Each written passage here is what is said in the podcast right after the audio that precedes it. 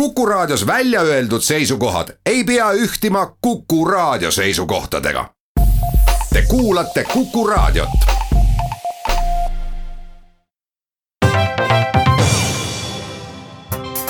Tere päevast, on neljas juuli, kell on saanud loetud minutid üksteist läbi, me oleme taas eetris Buumi saatega. saatejuhid nagu ikka Anto Liivet ja Ott Pärna. tänase uudisteploki avame teadetega sellest, et sünnib Euroopa suuruselt teine terasetootja siis India ja Saksa juurega, juurtega ettevõtete ühinemisel. Siis räägime ühest naisettevõtjast, kes töötas välja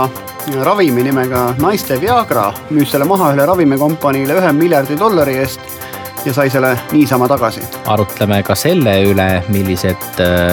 mured ja rõõmud, ohud ning väljakutsed kaasnevad vabakutselisena töötamisega. ja uudisteploki lõpetuseks räägime sellest, kuidas käituvad töötajad või kuidas mõtlevad töötajad, kui nad on küsinud palgakõrgendust, aga nad seda pole saanud. meie tänased saatekülalised on Tallinna Ülikooli jätkusuutliku arengu dotsent Mihkel Kangur ja Lilleoru õppekeskuse juht Ave Oit. Räägime sellest, mis on sinine majandus ning milliseid ärimudeleid ning lahendusi sinises majanduses luuakse. Aga nii nagu lubatud sai, räägime kõigepealt terasetootjate ühinemisest India juurtega Data Steeli ja sakslaste kuulsa ThyssenKruppi ühinemise tulemusena sünnib Euroopa suuruselt teine terasetootja ThyssenKrupp Data Steel, millel peaks siis olema pisut vähem kui viiskümmend tuhat töötajat, Euroopas suurim tegija terase tootjate hulgas on Arcelor Mittal ja maailmas tegemist on mõistagi suure äriga, mis tekitab ka palju poliitilisi pingeid, arvatakse, et kogu turumaht on umbes triljon dollarit. jah, ja tegemist ei ole ainult ju terasetootjaga, seesama see sakslaste grupp on üks tuntud liftide ja elevaatorite tootjaid. ehk siis, et tegelikult sellele terasele luuakse üksjagu lisandväärtust ka et ei ole ainult nagu selles mõttes noh, mõtleme terase tootmist, kõrgahjusid ja, ja kogu see metallurgia poolt asjast, tegelikult ikkagi minnakse üsna palju nagu kliendi suunas ka juba nendega surve terasetootjate ühinemiseks on mõistagi tekitatud nõudluse vähenemisest, me teame, et Hiina annab poole maailma terasetoodangust.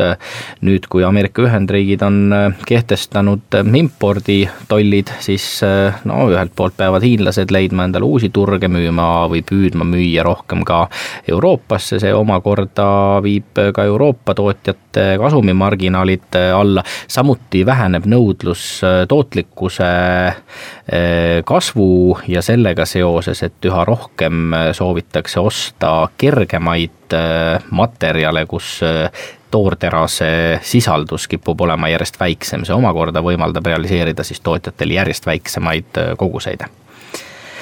aga milliseid mõtteid, Ave Mihkel, teil seoses tootmisettevõtete ühinemisega tekkis? eks see sellised suurte ettevõtete ühinemised ja tekkimised ja kadumised on, on paratamatu ilmselt globaliseeruva majanduse osa, millist mõju või, või, või kuidas ta meie elustiili või, või elamist mõjutama hakkab, ilmselt me igaüks väga otseselt seda, sellest ei taju, sellise rohelise mõttemaailma esindajana või, maailmavaate esindajana minul tekitab see küsimus, et, et kas meil on äh, kindlasti niivõrd palju selliseid äh, loodusvarasid vaja kasutada, kui palju äh, me tegelikult raiskame nende loodusvarade kasutamise käigus, kui palju sellest materjalist, mis maa seest välja tuuakse, tekib loodusele kahju, mida me tegelikult raiskame lihtsalt mingisuguste meelelahutuslike või, või, või lihtsalt tootmise ebaefektiivsuse tõttu ära, et et, et see, et, et tootmine ja, ja kasutamine muutub järjest-järjest efektiivsemaks, on, on selles suhtes asjade loomulik käik, kui seda ei takistata mingisugusel viisil. nojah, ütleme teras on tegelikult ka ju ehitus, betooni valamise nagu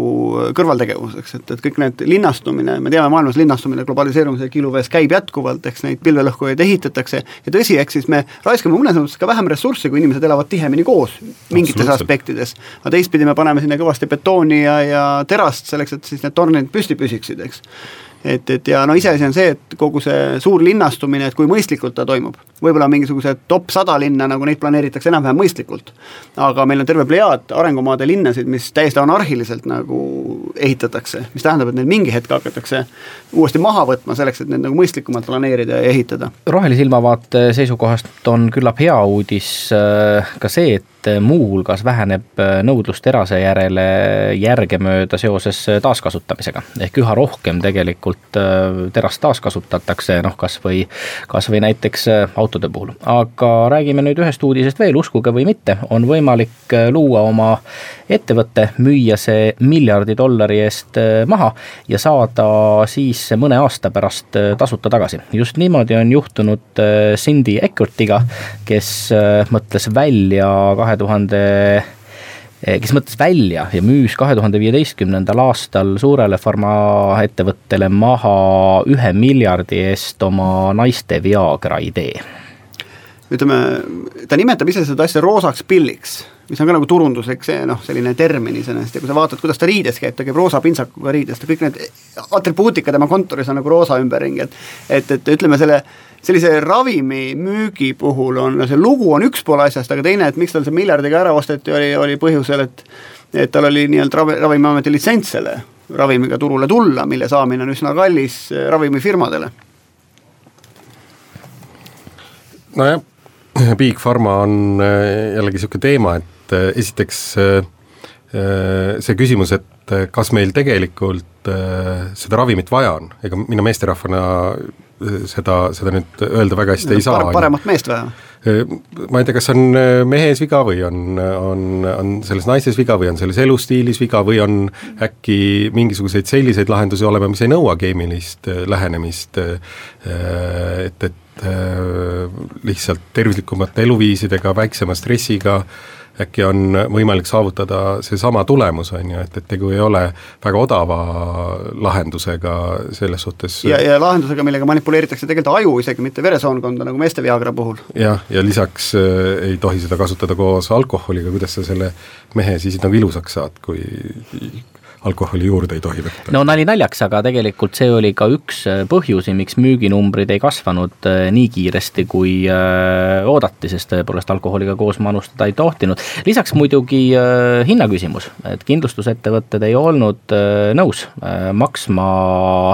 nii kõrget hinda ja tegelikult see piiras arvatavasti nõudlust. ja see hind, hind oli kaheksasada dollarit kuus ja sa pidid kuure võtma siis kolmkümmend tabletti iga jumala päev, on ju, iga, iga jumala päev ühe tableti ja mida nad siin tegelikult on uurinud ka välja, on see, et inimese enda valmidus maksta on üldiselt oleks kakskümmend viis dollarit kuus ja äärmisel juhul sada dollarit kuus.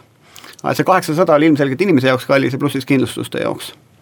aga noh, teinekord on lihtsam siis raha maksta, kui võtta iseennast käsile ja natukene oma elukombeid muuta. no mul tekkis laiemalt veel ka see mõte, et et äh, tihtipeale müüakse ettevõte maha, kui omanikul pole enam piisavalt ressursse, et järgmisele arenguastmele ettevõttega äh, jõuda, noh tõenäoliselt ka siin selle naiste Viagra turustamine on äh, veel kallim äh, protsess kui temale Ravimiametist litsentsi saamine. aga põneval kombel võib juhtuda ka niimoodi, et äh, suur kontsern äh, ühel hetkel peab tunnistama, et kõigele vaatamata ei saa ta ettevõtte vedamisega ise hakkama ja tuleb jälle vanade omanike juurde tagasi pöörduda ja, ja, ja tihtipeale on, on see kõik üht, ka emotsionaalselt keeruline oma nii-öelda juba maha müüdud äh, äri tagasi osta, aga, aga teinekord ei pruugi olla üldse paha mõte ja on, sellega on võimalik teenida terve hulk raha. see tablettide teema siin selles, selles uudises toob mulle meelde selle ütluse, mida riskikapitalistid tihti ütlevad, on see, et, et kas see toode või teenus, mida see üks või teine ettevõte või startup arendab, on ta siis parasjagu vitamiin või on ta valuvaigisti et valuvaigisti on siis keegi tahab, kellelgi valutab ja see toode või teenus lahendab selle valu küsimuse. Ja, ja tükk maad suurem tõenäosus on, et inimene ostab sellisel juhul seda toodet või teenust, kui tal tõesti valutab või king pigistab kuskil, kui see on selline nice to have või selline noh, võib või mitte olla selline vitamiini tüüpi toode või teenus, et selliseid gadget eid, vidinaid me teeme tehnoloogia, tehnoloogia maailmas küll ja küll, millest tegelikult elu paremaks ei lähe, keegi kuskil on selle välja mõelnud, tootnud ja nüüd tohutu energiaga püüab turule minna. ja nüüd turule lükkamine, kui sul on selline vitamiini tüüpi toode turule vaja lükata, on kordades kallim kui selline valuvaigisti tüüpi toode, mida keegi kuskil juba tahab kuulame nüüd vahepeal ära kaubanduslikud teadaanded ning seejärel jätkame.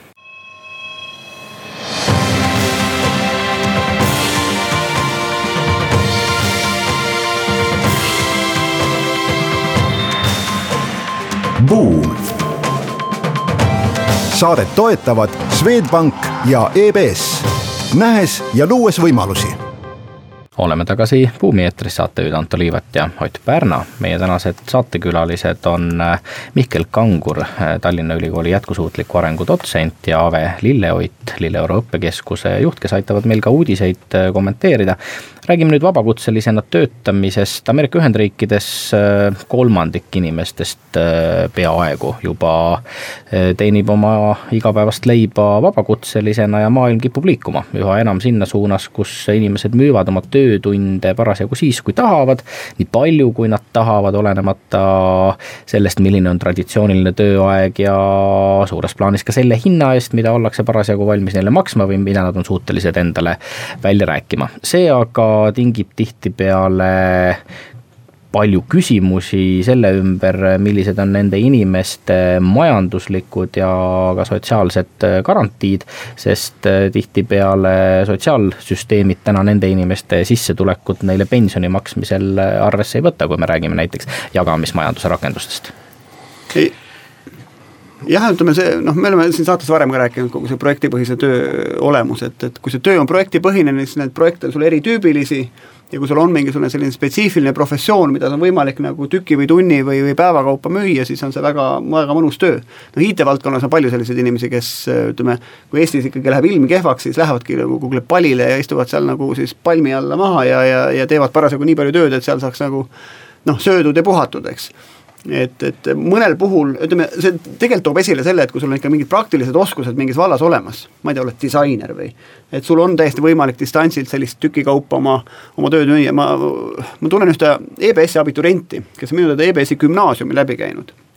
kes teeb igasuguseid selliseid statistilisi mingeid analüüse ja seda tüüpi töid, on võimalik ka täiesti tükina müüa ja teha seda kust iganes sa siis tahad elada. et ta kindlasti teeb seda elu paindlikumaks ja, ja ta võimaldab elada sellist projektipõhist elu. no meie meile silma jäänud üks artikkel Harvard Business Reviews jõudis järeldusele, et kui äh, inimesel on äh, olemas äh, sellised ettevõtted, ettevõtlikkusega seonduvad öö, äh, oskused ja mingisugused väärtuslikud oskused, siis sellisel juhul äh, need inimesed pigem äh, võidavad vabakutselisena töötamisest. küll aga kui tegemist on lihtsamat tööd tegevate inimestega, siis pigem on vabakutselisena töötamine nende jaoks lihtsalt üks enam-vähem rahuldav lahendus paljude halbade hulgas. see tööressurss või tööjõuressurss ja, ja töökäitumine ühiskonnas on väga selgelt muutus, et ma olen kuskilt, mul jäänud silma üks uudis, et maailmas on järjest suurem, suurem nõudlus selliste projektijuhtide järele, kes suudavad juhtida projekte nii-öelda globaalselt, ehk et inimesed, kes projekti jaoks töötavad, asuvad erinevates ajavööndites, erinevates kultuurilistes taustades, nüüd oskus panna need tiimid kokku. Ja see näitab seda, et, et töö on liikuv, ta ei ole enam fikseeritud kuskil ühe töölaua taha. Ja see seostub väga selgelt haridusega, nagu sa ütlesid, et äh, sõltuvalt sellest, missugused on nagu ettevõtlikkuse oskused inimestel. ehk et me jõuame selleni, et, et vahet ei ole, mida sa tegelikult ülikoolis õpid, vaid seda, kuidas sa oskad seda kasutada, kuidas sa oskad selle rakendusse panna. et äh, muidugi sellega, äh, selliste muutustega kaasnevad äh, probleemid nii töövõtjatele kui ka tööandjatele, selles suhtes, et nad ei saa, tööandja ei saa olla nagu praegust enam kindel, et, et tal on selgelt võtta järjest kogu aeg seda äh, töötajat et, et see ei ole nagu kummalegi poolele selles suhtes mingisugust olulist stabiilsust toov äh, muutus, kuid see on paratamatult muutuv asi maailmas, millega ettevõtjad peavad järjest rohkem ka et, äh, valmis olema, et töövõtjad liiguvad tunduvalt vabamalt, et nad ei ole fikseeritud enam äh, kooli lõpetamisest pensionini ühe treipingiga. mul on paar tuttavat veavad selliseid IT-arendusettevõtteid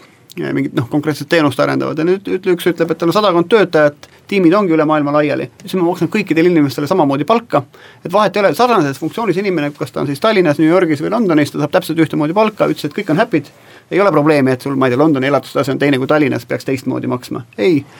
Ja, ja tiimijuhid on, ütles, tal on Tallinnas, küll mitte eestlased, aga tiimijuhid on Tallinnas. ja nende, nende tiimijuhtidega on see, et vaata selline, kuidas ma ütlen, projekti juhtimise asi, okei okay,, metoodiliselt sa võid teda õppi-, õpetada, aga inimeste juhtimist on raske metoodiliselt õpetada. see on praktika läbi, et sul ongi mingid tudengitööd, eri tüüpi profiilide, eri tüüpi erialade kokkutoomine ja sa pead ikka ennekõike oskama ühes toas ühe laua ümber panna tiim tööle. ja siis sa võid hakata rääkima sellest, et kas me suudame globaalselt panna inimesi nii tööle, et me üksteist ei näe, eks. ja teine asi, kui tihti nad tegelikult ütlevad ka seda, et nad toovad ikkagi paar korda aastas need tiimid kokku. et see ei ole see, et need inimesed üldse üksteist ei näe et nüüd ütlesid, üks kord aastas käivad kõik Eestis koos ja siis teised korrad käiakse siis mingites riikides, kus siis neid inimesi on rohkem. jõuame ühte uudist siia lõppu veel kommenteerida. meile on silma jäänud uuring, mis viidi läbi Basecale'i nimelise palga arvestuse süsteemi andmete põhjal ja sealt tuli välja, et kui inimesed küsivad oma tööandjalt äh, palka juurde, siis tööandjad ei saa kuigi hästi hakkama äraütlevate vastuste kohta selgituste andmisega. kolmandikule küsijatest üldse ei selgitata, miks nad palka juurde ei saa. nüüd neist, kes selgituse saavad, ainult veerandile tunduvad äh, põhjendused äh, mõistetavad. ja kui me paneme siia juurde tõsiasja et, et seitsekümmend protsenti neist, kes ei saa usutavat põhjendust või selgitust oma palgatõusu küsimisest äraütlemise kohta hakkavad otsima uut tööd, siis selline suhteliselt kehv kommunikatsioonioskus läheb lõpuks ettevõtjatele täiendavate värbamiste näol päris kalliks maksma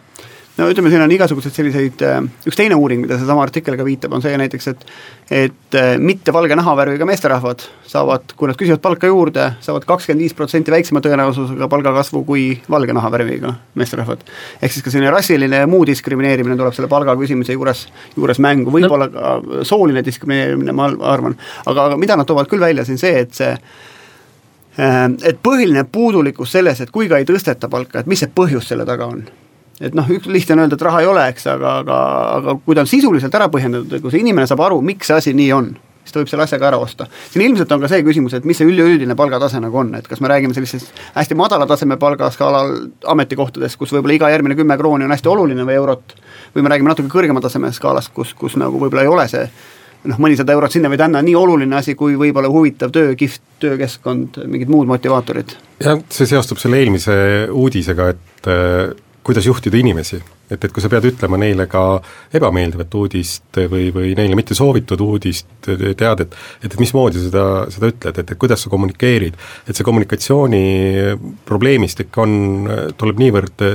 tõsiselt igal pool välja, ma arvan, et kõikide nende nelja uudiste puhul me tegelikult räägime väga paljuski kommunikatsioonis, kuidas räägitakse inimestega. Ja me näeme Eestiski tegelikult äh, meil pidevalt rõhutatakse, nüüd tulevad jälle valimised, õpetajatel tuleb palkasid tõsta, aga kas küsimus on üldse palgatõusus või on mingisuguses muus töö iseloomus, mingisugustes töökorralduslikes asjades. et, et, et võib-olla palgatõusu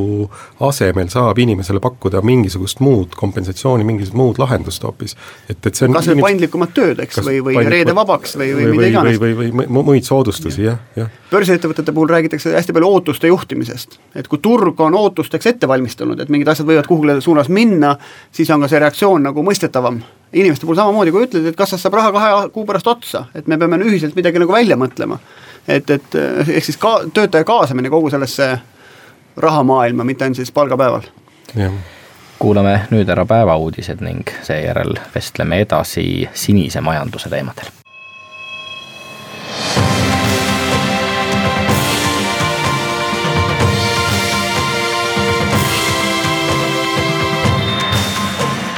Buum. saadet toetavad Swedbank ja EBS, nähes ja luues võimalusi oleme tagasi Buumi eetris, saatejuhid Anto Liivet ja Ott Pärna, meie tänased saatekülalised on Tallinna Ülikooli jätkusuutliku arengu dotsent Mihkel Kangur ja Lilleoru õppekeskuse juht Ave Oit. räägime nüüd sinisest majandusest, aga kõigepealt Ave, ole hea, ava mõne lausega, mis on Lilleoru õppekeskus ja millega te tegelete Lilleoru õppekeskus äh, asub Harjumaal ja on juba tegutsenud üle kahekümne aasta. et me tegeleme põhiliselt inimese teadliku arenguga ja ühtlasi ka teadliku eluviisiga. aga kuna see, kuidas me elame, et millised väärtused meil on ja milliseid valikuid me teeme, hakkab igast ühest endast, siis see hakkab pihta sellest, et äh, kuidas me iseennast inimestena mõistame, mõtestame ja kuidas me oskame iseennast juhtida sa tõlgid ka Günter Pauli raamatut äh, siis sinisest majandusest. miks sa selle raamatu oled valinud ja, ja miks on oluline see eesti keeles välja anda? et see raamat on jah, nüüd kohe-kohe juba ilmumas, on hetkel trükis ja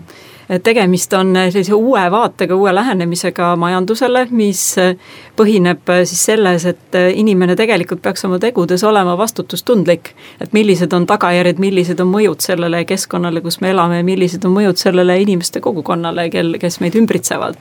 et äh, minu jaoks äh, ongi, olles äh, nagu pikalt olnud seotud Lilleoru õppekeskusega, tegelikult see teadlikkus just sellest eluviisist, et millised on need mõjud laiemalt ja viinud mind ka tegelema loodustoodetega ja, ja sellise mahetoodete valdkonnaga. ja sedakaudu on nagu palju olnud otsest kokkupuutumist, et missugused on siis nagu erineva majandustegevuse mõjud. kuidas see hävit-, hävitab looduskeskkonda, kuidas ta raiskab liigselt loodusressursse ja sealt tekkis edasi huvi, et kui ma kuulsin rääkisin Günter Pauli ideedest, mis tegelikult pakuvad paremaid lahendusi, mitte ei vähenda reostust ja ei paku nagu ühe halvale lahendusele natukene paremat lahendust, vaid pakuvad täiesti uusi äh,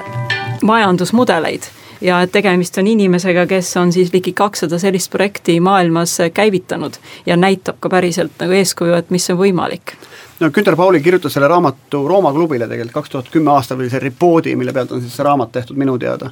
ja mida ta, miks see Blue Economy, Blue Economy või see sinine majandus tuli, noh seal on kahel põhjusel, ühel pool, et ta ütleb, et globaalselt on rohkem maailma, gloobuse peal on rohkem sinist kui rohelist, ehk siis mitte me ei peaks säästlikus kontekstis rääkima rohelisest maailmast, vaid sinisest maailmast, ja teiseks ta väidab, et see roheline, ta nagu vastandub tegelikult sellele rohelisele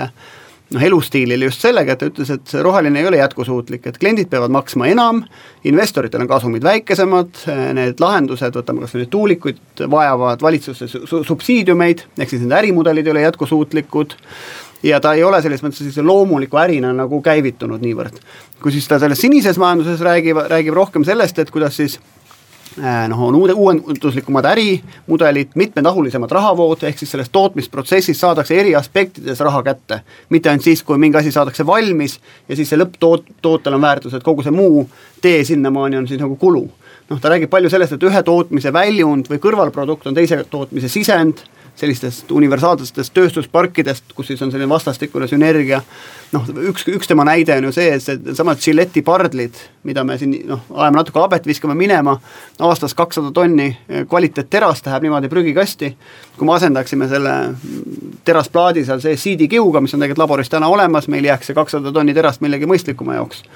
et, et noh, see on teisi näiteid ka, needsamad seente näide, kus siin ütleme, seente näide, kohvi näide on tegelikult kohvi, kohvi tootmisjääkidest, et me kasutame ära äh, kohvi äh, oast või, või kohvitoodangust me kasutame ära, kas oli null koma kolm protsenti ainult kogu sellest asjast, orgaanilisest ainest, mida tegelikult kohvi tegemiseks vaja läheb. kõik need kestad, siis see kohvipaks nii-öelda, et see kõik on tegelikult äh, kasutatav mingisugusel muul uuel viisil, kas siis seente kasvatamiseks või äh, loomasöödana, et, et neid kaskaade, millal saaks selle peale üles ehitada, on tohutult palju, mis praegusel hetkel paljuski visatakse lihtsalt prügimäele. suuremas osas nad hakkavad tootma lihtsalt meil kasvuhoonegaase, lagunevad seal aeglaselt, lõpuks lähevad jah ringlusesse küll, on ju, aga et, et see kasum jääb äh, meil äh, saamata sellest, aga rais-, raisanud oleme ökosüsteeme tohutult palju seal kohvi ja, ja siin ta räägib ka seda, et üks asi on selle majandusliku väärtuse suurem kättesaamine sellest ahelast, aga teine asi on selline äh, ka muul moel väärtus, näiteks uued töökohad, seesama seente, ühesõnaga kohviga on see lugu siis, et kohvipaks jääb arenenud maadesse ja kohvitaimed jäävad arengumaadesse. Nüüd arengumaades nad kasvatavad nende taimede peal seeni ja seal saavad eh, noh, ütleme naised, kes on varasemalt olnud töötud, nüüd saavad tööd, tekib mingisugune sissetulek, neid kasutatakse vähem seksuaalselt ja muul viisil ära, eks, et meil väga palju tekib sellist sotsiaalset kapitali koha peal areneb, mitte, mis ei ole otseselt rahasse, rahasse pandav. ja ta stimuleerib tegelikult ettevõtlust, et seesamad tegelased siis hakkavad selle seentega seal nagu toimetama, et et see on põhimõtteliselt see kogukonna äh, tugevdamine, kogukonnapõhine majandus, ehk et need äh, väiksemad, paindlikumad lahendused äh, pakuvad võimalust kaasata sellest samast regioonist neid, neid samu inimesi tunduvalt enam kui, selle asemel, et nad kõik püüavad hirmsasti nüüd enda seda viimast kohviuba kuskile suurele kohvitootjale maha müüa, nad äh, olles samas sõltuvad siis sellest, mida see kohvitootja neile, mis hinda pakub, missugune on see ilm äh,, missugused on muutuvad tingimused, nad saavad tekitada endale sissetulekuallikaid kogukonnana tunduvalt enam ja selliselt üksteist äh, toetades, üksteist üleval hoides äh, saavad äh, nii-öelda ressurssi, heaolu Äh, tekitada sellesse regiooni tunduvalt rohkem. et seda raamatut lugedes äh, minule ökoloogina oli nagu selles suhtes äratundmine, et et ma olen nüüd avastanud, et, et haridus põhineb tegelikult ökoloogilistel printsiipidel ja et, et majandus sellisel viisil kirjeldatuna on, on tegelikult täiesti puhas ökoloogia. see on see, kuidas ühe jääk on teise toore, kuidas omavahel on süsteemid võrgustunud võrgustikesse, eh, mis, mis hoiavad seda süsteemi alal, ehk et mitte keskenduda ühele eh, kindlale kitsale tootegrupile, vaid sa lood endale eh, nii-öelda protsessi, ehk et disainiprotsessi, mitte ära disaini toodet, et et, et me, et, et selliselt on võimalik saada nendes loodusressurssides, mis meil kasutada on, tunduvalt enam kasumit välja. Ehk et me peame võtma loodusest vähem selleks, et enda vajadusi saaksime ära rahuldada. Ja just, et see kõik on võimalikult kohalikul ressursil põhinev ja just kohalikku majandust ja kogukonda tugevdav, et see tema enda esimene avastus, et äh, oli, ta on Günter Pauli on Euroopa ühe esimese nii-öelda ökotehase ülesehitaja ja see oli puhastusvahendeid tootva Ecoveri tehase ülesehitamine. ja kui ta eh, arvas algselt, et kõik on väga roheline ja ökoloogiline toode, aga kui ta ükskord läks siis vaatama, et sealt, kust palmiõli tuli nendesse toodetesse, et mis seal piirkonnas tegelikult toimub ja sai aru, et millises massilises hulgas on see vihmametsa ja loomade elupaiku hävitatud, et siis see oli niivõrd reaalne kogemus, et ta päevapealt pööras uue lehekülje ja lõpetas kõik tegevused ära ja, ja investeeris kõik siis sellisesse taastavasse, planeeti taastavasse majandusse. no mis, mis ta ise ütleb veel see, et meil on, meil on nii tootmise pool jätkusuutmatu, kui meil on ka tegelikult ka tarbimise pool jätkusuutmatu, et me peame selle mõlema poolega tegelema ja siis selle ahelaga nende kahe vahel. jah, et see, see tarbimise pool, et, et, et me võime tunda ennast tohutult rohelisena, kui me tahame hommikul süüa vorstivõileiva asemel avokaado röstsaia, siis tegelikult see, kuskohast see avokaado tuleb mm on äh, võib-olla sealset keskkonda täiesti hukule viinud ja, ja võib-olla meil maheveisekasvatusest pärinev äh, vorst oleks võib-olla keskkonnale hoopis äh, oluliselt toetavam viis, et kuulame nüüd ära kaubanduslikud teadaanded ja seejärel jätkame Buumi saatega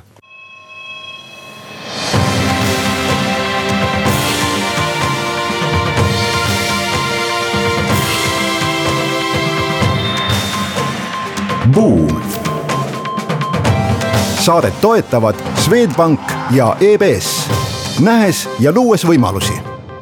oleme tagasi Buumi eetris, saatejuhid Anto Riivet ja Ott Pärna. meie tänased külalised on Tallinna Ülikooli jätkusuutliku arengu dotsent Mihkel Kangur ja Lilleoru õppekeskuse juht Ave Oit. räägime sinisest ning jätkusuutlikust majandusest. eelmise saateploki lõpus jõudsime tõdemusele, et mõnest kaugest riigist siia toodud avokadoviil võib olla võileiva peal loodust üksjagu enam kurnav kui siinsamas Eestis äh, valminud äh, maheveise rostbeefi lõike. mis see jätkusuutlik äh, tarbimismudel siis olla võiks ja kuivõrd ikkagi sellised jätkusuutlikud ärimudelid on konkurentsivõimelised võrrelduna nendega, mida täna maailmas laialt praktiseeritakse? No konkurentsivõimelisus, eks see selgub ajas ja, ja selles suhtes äh, on ilmselgelt me oleme me jõudmas sellesse faasi, kus saab selgeks, et need äritegemise viisid, millisena me oleme harjunud viimased sada aastat äh, toimetama, et need ei ole tegelikult jätkusuutlikud, ehk et me oleme väljunud äh, sellest äh, Äh, mugavustsoonist või sellisest turvatsoonist, mida loodus on meile suutnud pakkuda, et, et meid, meid elus hoida, ehk et äh, kui me sellisel viisil jätkame enda tegutsemist, siis äh, juhtub meiega midagi sarnast, kui toimus eelmine Brexit, kus roomlased lahkusid Albioni saarelt ja Brit-, britid jäid üksi, nende kultuuriline, majanduslik areng pidurdus, langes mõni tuhat aastat tagasi. ehk et jätkusuutlik majandus tunnistab seda, et me oleme ökosüsteemi osad, me oleme üks osa sellest suurest ökosüsteemist, mis maakeral toimetab ja meil on tark õppida sellest, kuidas viisi toimetab loodus, kes on sellist elu alalhoidmist õppinud viimased neli pool miljardit aastat ja seal on tegelikult viisid ja võtted, kuidas äh, hakkama saada väiksema energiakuluga, kuidas hakkama saada väiksema ressursikuluga, samas tagades meile äh, võrdväärse või parema heaolu, kui me siiamaani oleme harjunud. nii palju, kui ma oma rohelisi tuttavaid olen kuskil näinud, ma olen ikka küsinud, et, et okei okay,, et nagu mitu paari siis teksapükse Pärnu Ott tohib siis nagu aastas ära kanda, et oleks nagu jätkusuutlik. ja, ja kuidagi mõjuks loodusele mõistlikult või spordisärke, palju mul kapis võiks olla, et kas on võimalik keegi on kuskil teinud mingisuguse sellise mõistliku raamatu sellistele asjaarmastajatele inimestele, kes tahaks mõistlikult elada, aga ta tõesti ei tea ta läheb järgmine päev, ütleme üks päev räägib, et me, ookeanid on plastmassi täis, järgmine päev läheb, ostab ta endale Nescafe mingisuguse kohvimasina, kus käivad mingid poodid sees, on ju, iga jumala gramm kohvi on, on ju, mingisuguses plastmassi sees, on ju, siis läheb ostab poest tomati, kus kaks tükki on jälle plastkarbis, eks. Et tegelikult me räägime, retoorikas oleme rohelised, aga tegelikult me ei tea isegi, et mil-, kuidas siis peaks nagu käituma eks see ongi raske selles suhtes, et äh, see informatsioon meie toodete kohta, kuidas nad on äh, valmistatud, kuskohast nad pärinevad, ega me selle kohta väga head informatsiooni kätte ei saa. Et äh, informatsioon on kättesaadav, kas või see, et, et tõesti see äh, palmiõlide teema või, või siis teksapükste küsimus sul on ju, et äh, küsimus ei ole selles, kui palju sul vaja on või palju sa tohid kanda küsimus on selles, et, et kuidas sa nagu seostad iseenda teksapükste kandmisvajadust muu maailma öö, olemuse vajadustega, et, et kas on okei okay,, kui need teksapüksid on sul kokku õmmelnud kuskil alaealised tütarlapsed, saades selle eest eh, praktiliselt olematut palka, selleks on maha võetud puuvilla eh, kasvandustes, kasanduste jaoks mingid tohutud metsad, veeressursid lähevad, või sa suudad leida endale sellised lahendused teksapükstele, teksapüksid, mis pärinevad nii-öelda taastavast Äh, majandusest. aga kas ma pean siis koos Rein Tausiga minema ikkagi Bangladeshi ja vaatama, et kus need mu käpiteksad siis seal tehtud on või? põhimõtteliselt küll jah, selle, selles suhtes, et Reet Ausi särgid võivad tunduda ju kallid aga eh, meil on vaja küsida see küsimus, et aga miks need teised T-särgid siis nii palju odavamad on? Nad on odavamad sellepärast, et me tahame, meile meeldib osta odavat kaupa, me, me saame naudingu sellest, kui me ostame järjest uusi, uusi asju, saamata aru tegelikult, et mis selle naudingu tegelikult põhjustab, et mis meil elus tegelikult puudus on, et, et me vajame enda heaolu turgutamiseks uute kaupade ostmist, see luuakse meile see kujutelm, et, et meil on parem elu, kui me saame uusi kaupu osta. aga Reet Ausi särke võrreldes nüüd tavatee särgiga, äh, Reet Aus maksab enda toodete tooraine eest õiglast hinda. Äh, teised toorained või tööjõud ei ole, ei põhine õiglasel hinnal, kas, kas see hea küll, ta, ütleme, need Bangladeshi tüdrukud jäävad meist niivõrd kaugele, me ei ole iialgi neid ühtegi kohanud, aga võtame Rakvere lihakombinaadi juhtumi, kus äh, inimesed teevad ränka tööd, nad peavad päevas mingisugune tuhat kakssada looma ära veristama. ja nad saavad mingi kuussada, seitsesada euri kätte, et, et see on, see on ränk töö, mida nad teevad meie jaoks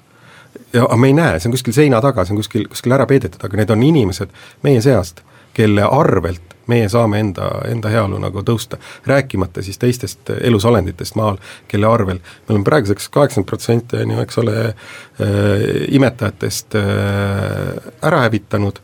ja see on tulnud kõik puhtalt sellepärast, et me tahame, et meil oleks hea olla, aga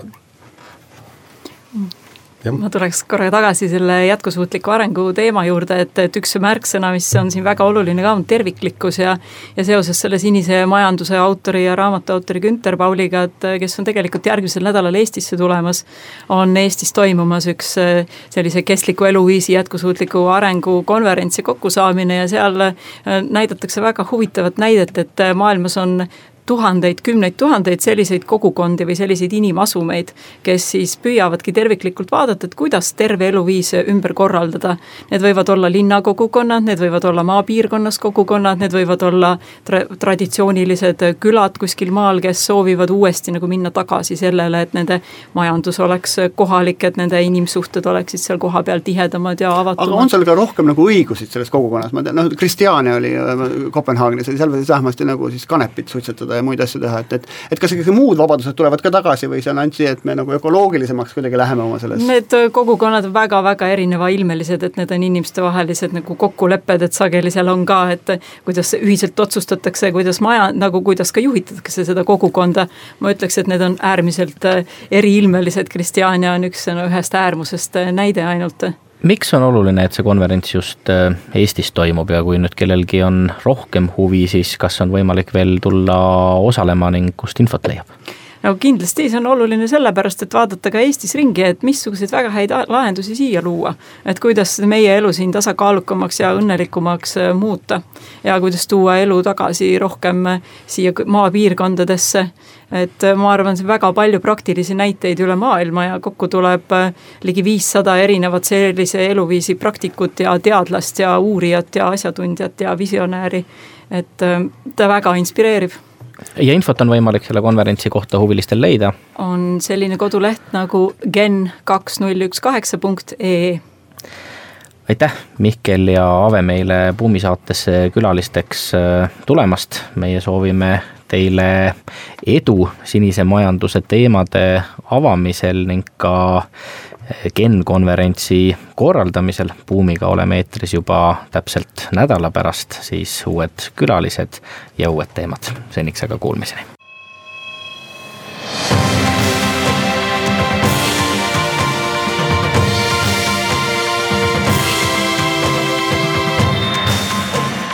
Buum. saadet toetavad Swedbank ja EBS, nähes ja luues võimalusi